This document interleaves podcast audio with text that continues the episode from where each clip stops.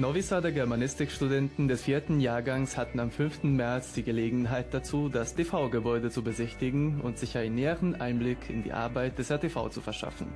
Die Studierenden wurden von der Redaktion der Deutschen Minuten sowie der Programmdirektorin von RTV Sonja Kokotovic empfangen, die unter anderem über die potenziellen Berufsmöglichkeiten im Bereich des Journalismus sprach. Gerade darum geht es auch um die Interdisziplinarität auch innerhalb der Fakultät. Ja, das ist das, was ich ja auch genauso, worüber ich mich später auch mit den Studierenden unterhalten werde. Wie kann man die, das Studium der Germanistik so gestalten, dass man nicht nur die pur oder rein germanistischen Fächer dann irgendwie integriert ins Studium, sondern eben auch interdisziplinär arbeitet, eben mit der Journalistik, mit anderen Bereichen, wo man dann sozusagen andere Seminare besuchen kann, beispielsweise. Und gerade sozusagen diese deutschen Minuten, können auch zeigen, dass man dann auch gute Voraussetzungen erfüllen kann, um halt eine Sendung zu moderieren, um dann als Sprecher arbeiten zu können, um dann irgendwie Texte schreiben zu können. Das sind auch die ähm, Soft Skills, die man auch während des Germanistikstudiums erworben hat. Der Besuch sollte die Germanisten davon überzeugen, dass für sie ein Beruf in den Medien durchaus realistisch wäre. Während der Besichtigung konnten insgesamt 20 Studenten hinter die Kulissen von RTV schauen und mit eigenen Augen sehen, durch welche Phasen die Produktion von TV-Inhalten geht. Ich denke, dass das eine super Möglichkeit ist für deutsche Studierende. Also man würde glauben, ja, hier in Serbien hätten wir keine Chance dafür mit dem Deutschen, also das ist, dass wir keine Plattform haben. Aber das haben wir jetzt ähm, natürlich äh, erfahren, dass das nicht die Wahrheit ist. Es gibt auch eine deutschsprachige Sendung und das ist eine super Gelegenheit für uns auch, einen anderen Beruf ähm, auszuüben, also nicht nur diese klassischen Lehrerberufe oder das Übersetzen. Mir hat es äh, besonders gefallen, weil ich äh, niemals zuvor diese äh, Erfahrung gehabt habe, äh, sowas zu sehen, also wie das funktioniert, wie äh, diese Mission, diese, dieses Endprodukt zu uns kommt, also wie, wie viele Leute beteiligt sind und was man, was man alles machen soll, äh, dass eine Sendung entsteht. Ja. Und äh, besonders deswegen gefällt es mir, dass ich, äh, dass ich hier war. Diese Besichtigung bot die perfekte Gelegenheit dazu, einen unmittelbaren Kontakt zwischen der Deutschen Minuten und den Studenten des Instituts für Germanistik herzustellen. Die Zusammenarbeit mit dem Lehrstuhl war schon immer ein wichtiger Aspekt. Diese Verbindung zu vertiefen, würde hinsichtlich der Zukunft einen Schritt weiter nach vorne darstellen. Das wäre für, eigentlich für die beiden Seiten sehr produktiv, auch für das Institut, aber auch für die Sendung. Für das Institut wäre es gut, weil die Studenten ja eine, ja, auch eine neue Lernmöglichkeit haben, aber auch eine mögliche Jobmöglichkeit. Aber auf der anderen Seite wäre das auch für die Sendung sehr produktiv, weil sie damit ihre, ihre ähm, also Auswahl eigentlich erweitern könnten und das Programm viel interessanter und bunter machen könnten. Zum Beispiel an der Universität gibt es viele Leute, die äh, für diese deutschen Minuten nicht gehört haben. Äh, vielleicht nur ein bisschen, aber nicht bis ins Detail. Und deswegen es, wäre es gut für Ihnen, dass Sie, äh, für Sie, dass Sie sich äh, die Möglichkeit haben, also sowas zu machen. Und verfolgst du die Sendung der Deutschen Minuten? Ja, also diese Sendung auch bekommt äh, gute Studierende, die zum Beispiel gut Deutsch sprechen können und äh, die kreativ sind, die also etwas äh, beitragen können ja, ich verfolge die deutschen Minuten und ich empfehle jeden, sie zu verfolgen.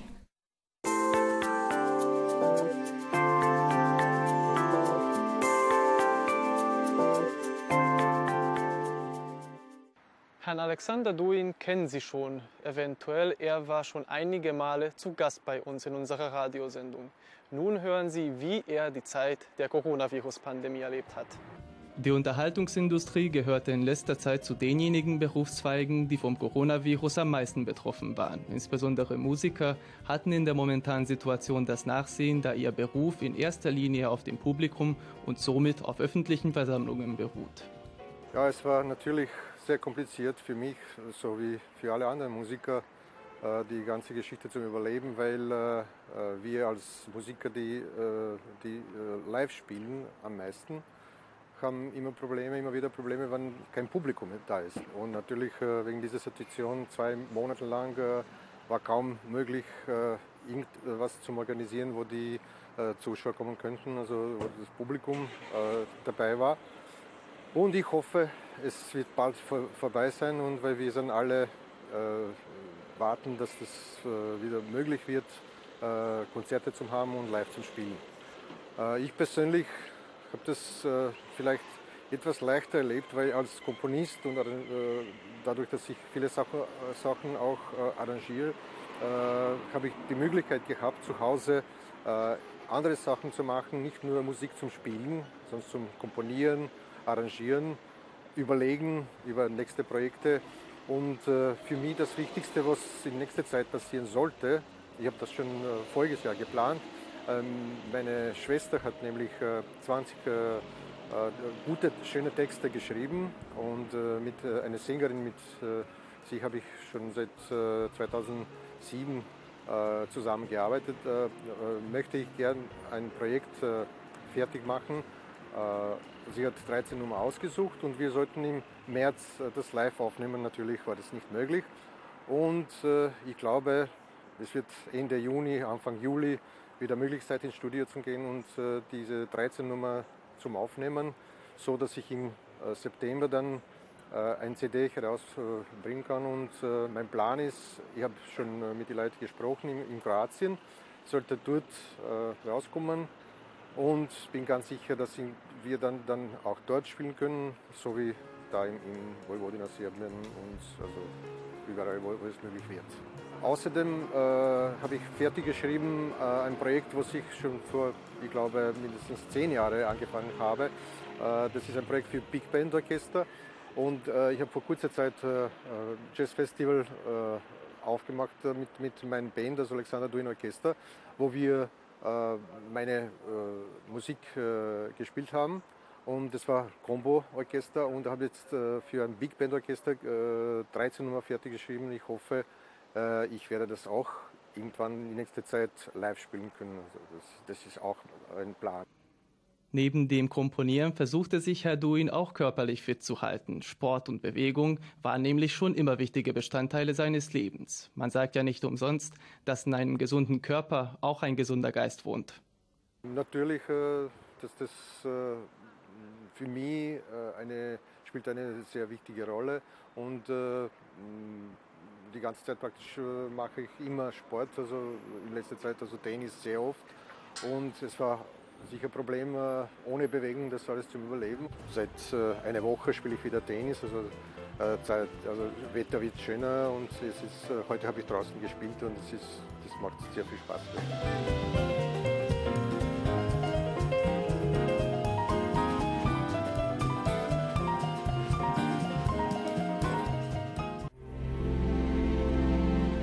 Gledate paletu. Izbor iz emisija na jezicima nacionalnih zajednica.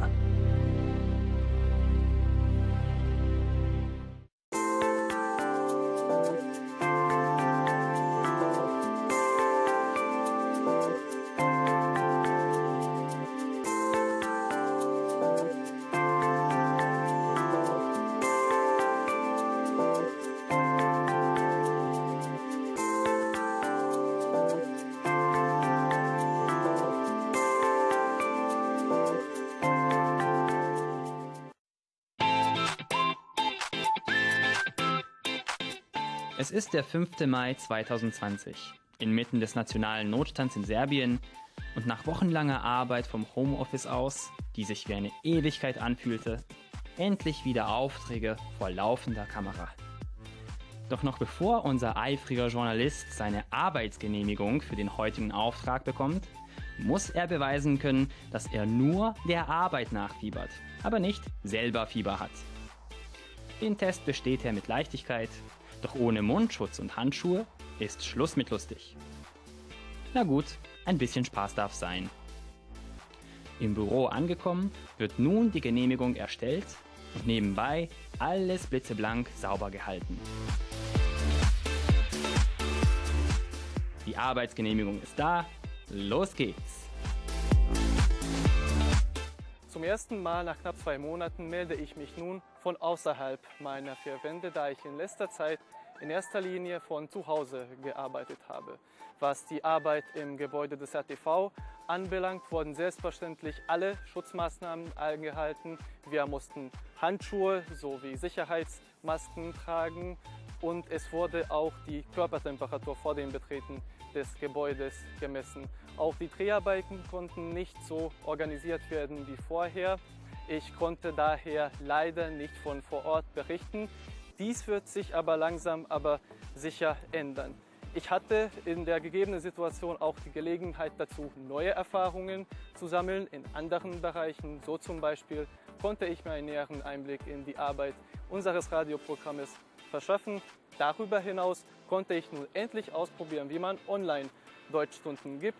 Nun aber bereite ich mich auch langsam aber sicher für meine Prüfungen vor. Ich kann jetzt kaum erwarten, dass sich das Homeoffice langsam aber sicher ihrem Ende zuneigt. Die erste Station für heute, ein Besuch bei und ein Interview mit unserer Betreuerin Heinalka. Die Freude über das Wiedersehen ist groß und die Kamera läuft. Hallo liebe Kollegen, hallo liebe Zuschauer. Ich begrüße Sie ganz herzlich. Einige von meinen Kollegen habe ich seit zwei Monaten überhaupt nicht gesehen, nur gehört. Ja, wir haben von zu Hause gearbeitet und äh, äh, wir waren natürlich im Kontakt per Handy, per Viber, PC, Messenger. Aber Fernsehen bedeutet für mich etwas was ganz anderes. Fernsehen ist für mich vor Ort zu sein, unterwegs zu sein, Interviews, Berichte, Beiträge zu drehen mit unserem Team. Ja, und all das hat mir sehr, sehr gefehlt. Ich muss gestehen, dass für mich die Tage der Isolation überhaupt nicht leicht gefallen haben. Also äh, ich war zu Hause und neben der journalistischen Arbeit machte ich natürlich Hausarbeit, habe ich viel, viel gelesen, ferngesehen natürlich und habe hier in der Gegend mit meiner Schwester lange Spaziergänge gemacht. Aber endlich sind wir da mit unserem Team für Sie, liebe Zuschauer. Und vergessen Sie nicht, wir rechnen auf Sie und auf Ihre Mitarbeit. Also bleiben Sie gesund und machen Sie es gut.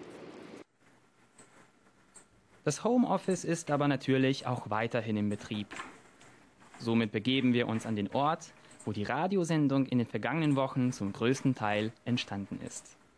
Zwei harte Monate sind hinter uns. Unser kleines Team von der Redaktion der Deutschen Minuten war leider gezwungen, in den vergangenen zwei Monaten von zu Hause zu arbeiten. Ich melde mich hier aus meinem improvisierten Homestudio und auch Klassenzimmer, denn in den vergangenen zwei Monaten habe ich von hier aus alle meine Aufgaben und Aktivitäten für die Universität erledigt, aber vor allem die Radiosendung Deutsche Minuten vorbereitet. Ich habe unter anderem gelernt, wie man viel effizienter arbeitet und habe alle meine Erfahrungen und Kenntnisse, die ich als Radiojournalist gesammelt habe, auch für die Universität verwenden können. Und so ist ein Podcast über Brechts Dreigroschenoper entstanden. Nachdem der nationale Notstand nun letztendlich aufgehoben wurde, nehmen die Dinge langsam wieder ihren gewohnten Lauf. Aber die Vorsichtsmaßnahmen bleiben noch eine Weile. Die vergangenen zwei Monate haben unsere Motivation und unseren Spaß an der Arbeit natürlich nicht genommen. Und vor allem nicht unseren Spaß am Leben. Das Wiedersehen mit Freunden und Kollegen ist Anlass für viel Gelächter und gute Laune. Und um auch Ihnen, liebe Zuschauer, ein Stück von dieser Freude zu geben, folgt nun ein Lied von uns für Sie aus Igors Podcast über Brechts Drei-Groschen-Oper. An den schönen blauen Sonntag geht ein toter Mann am Strand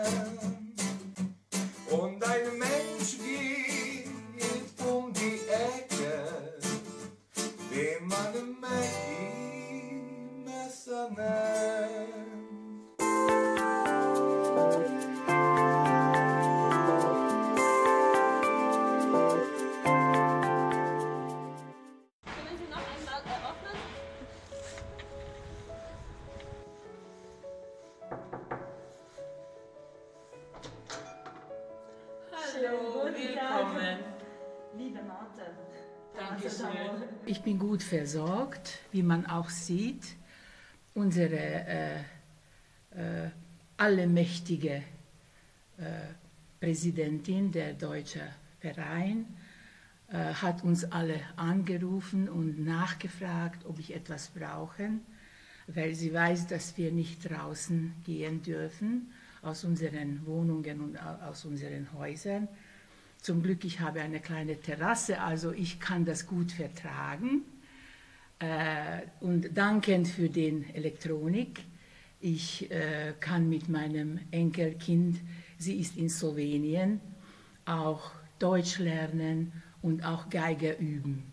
Wir stehen jederzeit gerne zur Verfügung für unsere Mitglieder und für alle Angehörige der deutschen Minderheit, die älter als 65 Jahre sind, weil sie dürfen nicht jetzt wegen dieser Coronavirus äh, von ihren Häusern ausgehen.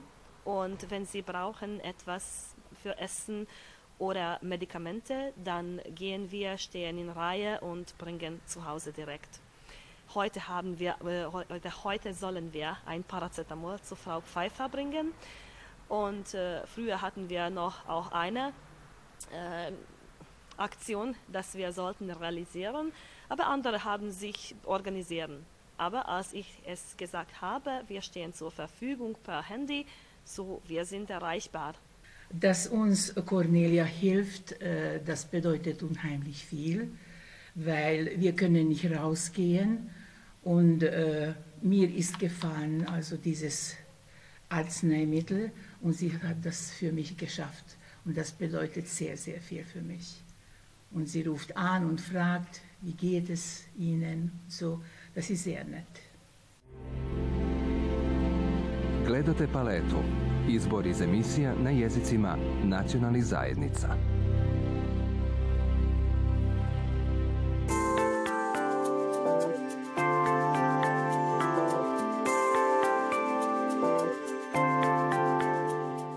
Heute werden wir was Feines vorbereiten hier, weil wir in der Küche sind und Magdalena Berg und ihre Gehilfe, Frau äh, Cornelia Weigner. Was werden wir für die Zuschauerinnen und Zuschauer vorbereiten? Wir werden äh, einen Zwiebelkuchen, einen ganz einfachen Kuchen backen, das sehr viele Leute in, in der deutschsprachigen äh, Gebieten backten und, und haben das oft gegessen. Die Frau Derg ist die Beste, äh, die macht diese Zwiebelkuchen und äh, jedes Jahr seit sieben Jahren bringen wir auch unser Zwiebelkuchen zum äh, Bunjevaca Kochenfestival in Weimar. Ah, so das ist auch traditionell und andere Leute suchen es auch. Ah, das kann ich mir glauben.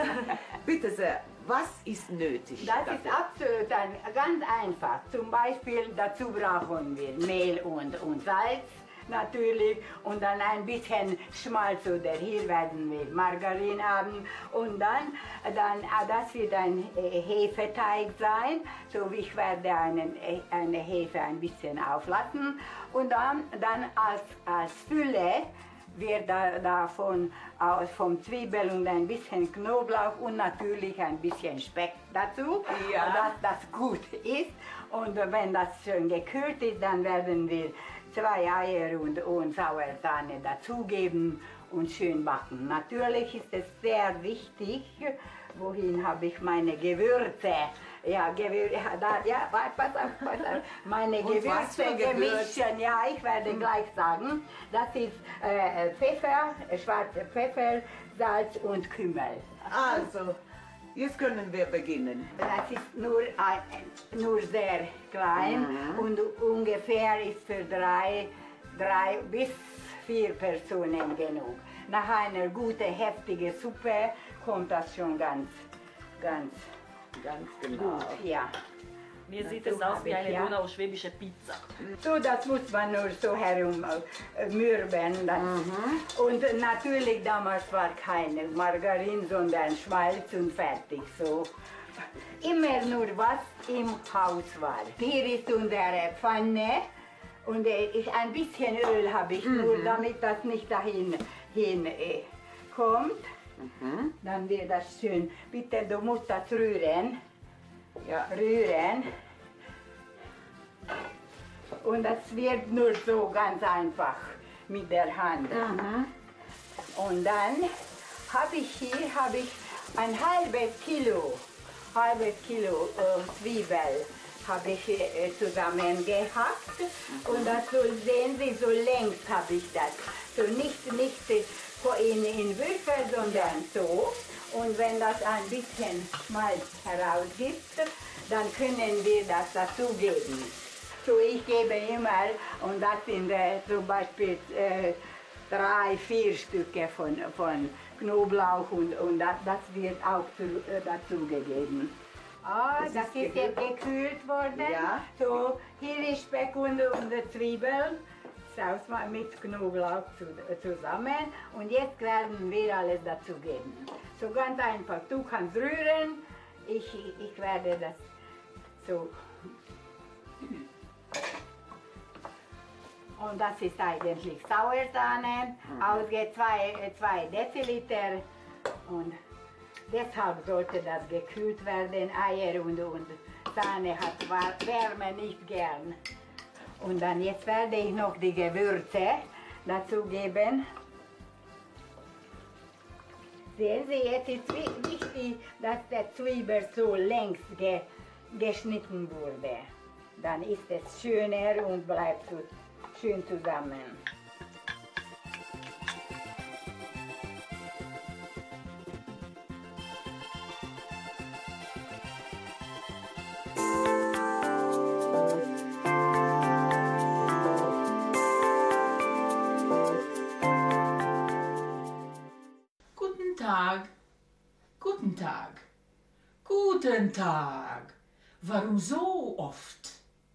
Weil ich dich mag.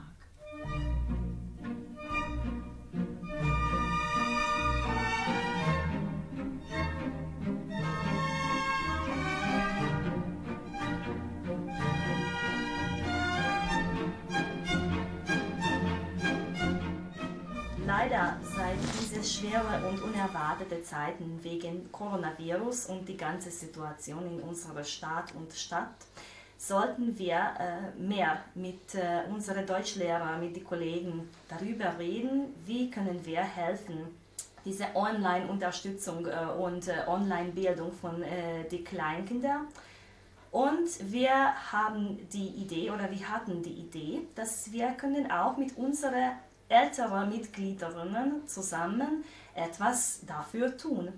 Und Gott sei Dank, wir haben die liebe Frau Marte Pfeiffer, die hat zehn Jahre oder mehr äh, Erfahrung in Radiosendung äh, und sie hat auch deu dort sehr oft Deutsch gelesen. Und sie hilft uns, äh, kleine Gedichte und Kinderlieder lesen und diese Gedichte gehen auf Facebook und in Zusammenarbeit mit den Deutschlehrern können die Kinder darüber hören und das hören und darüber ein bisschen zeichnen oder sprechen oder die Wörter lernen. Die sind ganz einfach und äh, so können wir unterstützen die Online-Bildung. In diesen schweren Zeiten von Pandemie äh, haben wir Erleichterung ausgedacht, auch für Omas, die ganz lange gesperrt sind, auch für die Kleinkinder, die genauso in der Wohnung äh, also ver, ver, verbringen müssen, die die ganze Zeit, den ganzen Tag. Unser Club, Deutscher Verein in Subotica, Maria Theresiopolis, hatte äh, ein, eine Idee, irgendwie per Viber oder per Skype, also eine Besprechung, eine Übersendung zwischen Omas und Kleinkindern machen. Dieses Online-Sache. und äh, da haben wir das ausgedacht, dass die Omas werden für die kleinen Kinder erzählen. So haben wir von Koppenrad, Koppenrads kleine Bibliothek, äh, für die kleinen Kinder lustige Kinderreime vorzulesen. Das habe ich gemacht. Backe, backe Kuchen, der Bäcker hat gerufen. Wer will guten Kuchen backen, der muss haben sieben Sachen.